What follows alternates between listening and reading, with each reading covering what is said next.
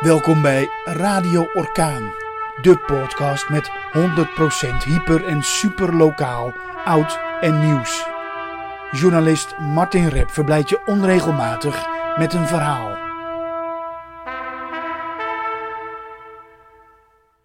Het Sportfonds wat in Zaandam is na jarenlange verloedering omgebouwd tot een complex van 12 chique appartementen.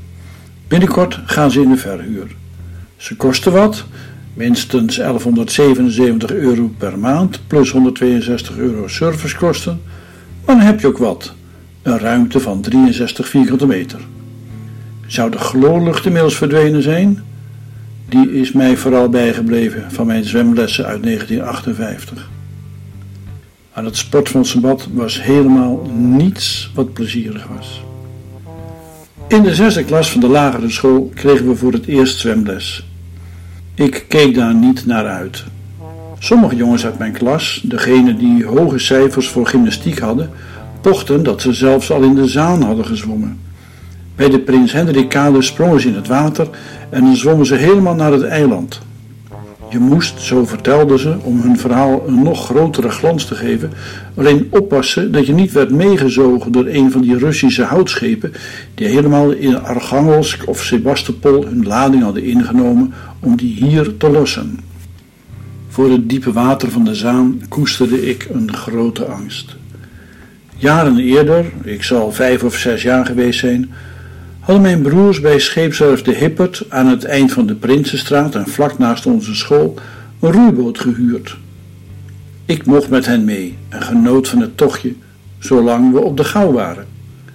Toen echter sloegen ze rechtsaf en roeiden de Hanepadsloot op. We passeerden de sluis in de Zuidijk en even later bevonden we ons op de immense watervlakte van de Voorzaan. Waanzinnig grote schepen voeren met hoge snelheid voorbij en trokken diepe golven. Ons bootje dobberde vervaarlijk. Simon en Jelte vonden het schitterend. Ze zetten hun voeten op de zijkanten van onze wankele oceaneriool en lieten hem extra hard schommelen. Hoe angstiger ik keek, hoe harder ze lachten. Mijn broers waren niet bang voor de zaan. Ook zij zwommen er af en toe in. Net zoals mijn oom Teun, die een half eeuw eerder als jongen in de Zaan zwemmen had geleerd. Mijn opa, Siem Rep, kon ook vast wel zwemmen. Hij had jarenlang met een zeilschip vracht gevaren tussen Amsterdam en Zaandam. Ik was niet zo'n held. Ik durfde pas als allerlaatste van de jongens uit mijn klas zwinters op het ijs van de Gouw naast onze school, de christelijke dominee Lindeboomschool. Zwemmen, voor mij was dat tot dat moment een plezierige gebeurtenis geweest op zomerse dagen.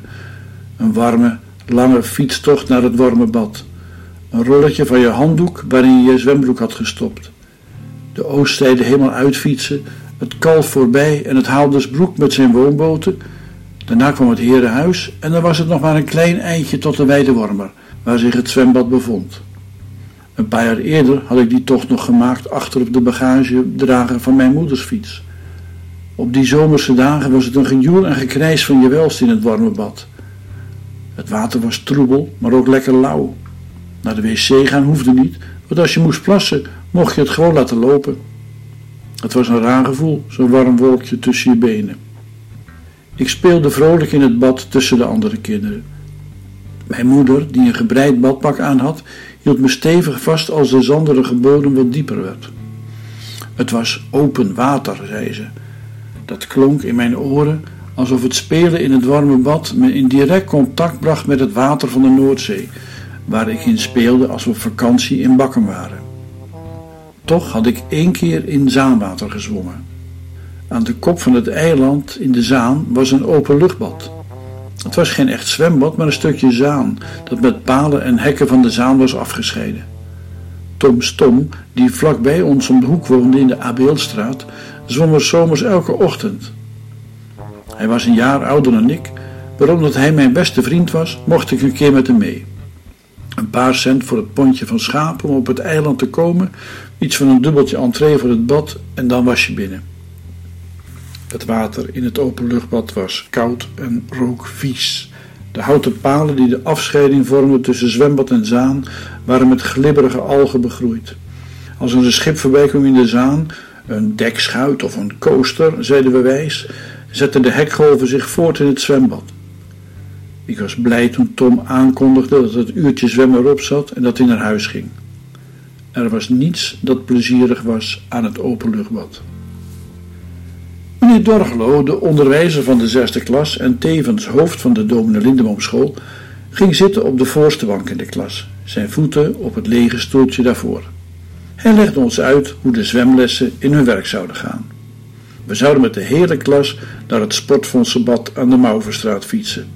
Het spatbordenfonds, gapten een paar jongens. Een meisje stak een vinger op. Ik heb geen fiets, zei ze. Daar was Dorrel op voorbereid. Je kunt wel bij een vriendinnetje achterop, zei hij, terwijl hij een verse sigaret opdiepte uit zijn pakje Lexington en die opstak. Of anders leen je maar een fiets. Je kunt toch wel fietsen? De jongens nemen hun zwembroek mee, vervolgde hij, en de meisjes hun badpak. Een handdoek natuurlijk en een stukje zeep. Voor je in het water mag, controleert de badmeester nauwkeurig of je wel goed schoon bent. Dorgelo tilde zijn voet op en wreef met duim en wijsvinger over het gedeelte boven zijn hiel. Vooral daarop wordt goed gelet. Dus bij het wassen moet je vooral je Achillespees, wisten een paar in de klas. Goed schoonmaken. De badmeester gaat er soms met het topje van zijn vinger langs om te kijken of er geen vuil is achtergebleven. En dan is er nog iets, zei meneer Dorgelo. Het is van belang dat je goed schoon bent als je in het water gaat. Daar mogen niet allerlei zeepresten in komen, dat begrijp je wel. Er zijn douches in het zwembad. Let op, daar gaan jullie met z'n tweeën in. Aan de ene kant zijn badhokjes voor de jongens, aan de andere kant voor de meisjes.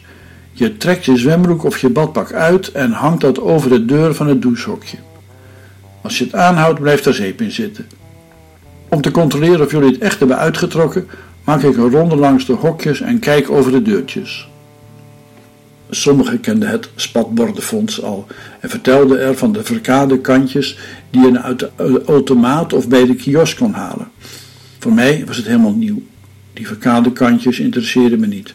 Ik had immers geen geld om die te kopen. Mijn vader zou me zien aankomen. In ieder geval had ik wel een fiets. Een pikzwart exemplaar dat mijn vader tweedehands op de kop had getikt en helemaal opnieuw in de lak had gezet. Een bagagedrager zat er niet op. Ik propte de handdoek met mijn zwembroek onder mijn jas.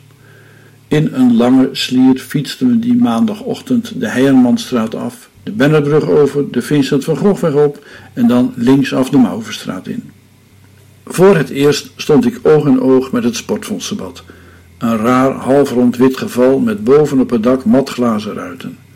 Zelfs op straat al drong de chloorlucht mijn neusgaten binnen.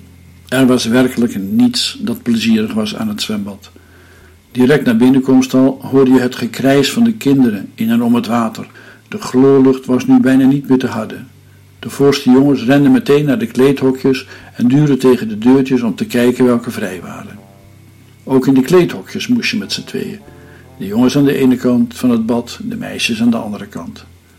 De snelste jongens die het eerst klaar waren, renden meteen naar de douchehokjes Ter onderstreping van zijn waarschuwende woorden hingen twee grote borden aan de wand.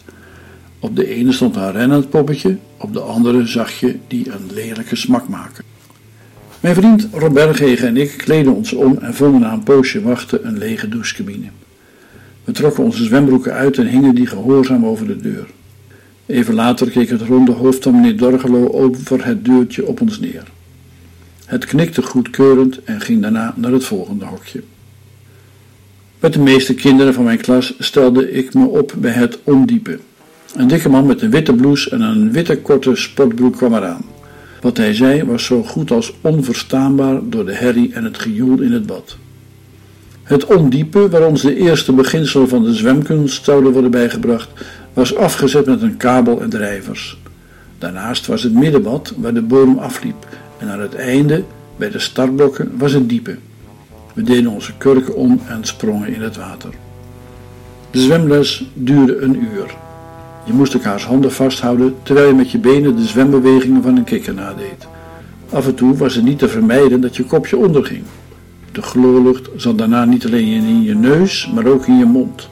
Later, als je de arm- en beenbewegingen een beetje beheerste, mocht je proberen echt te zwemmen.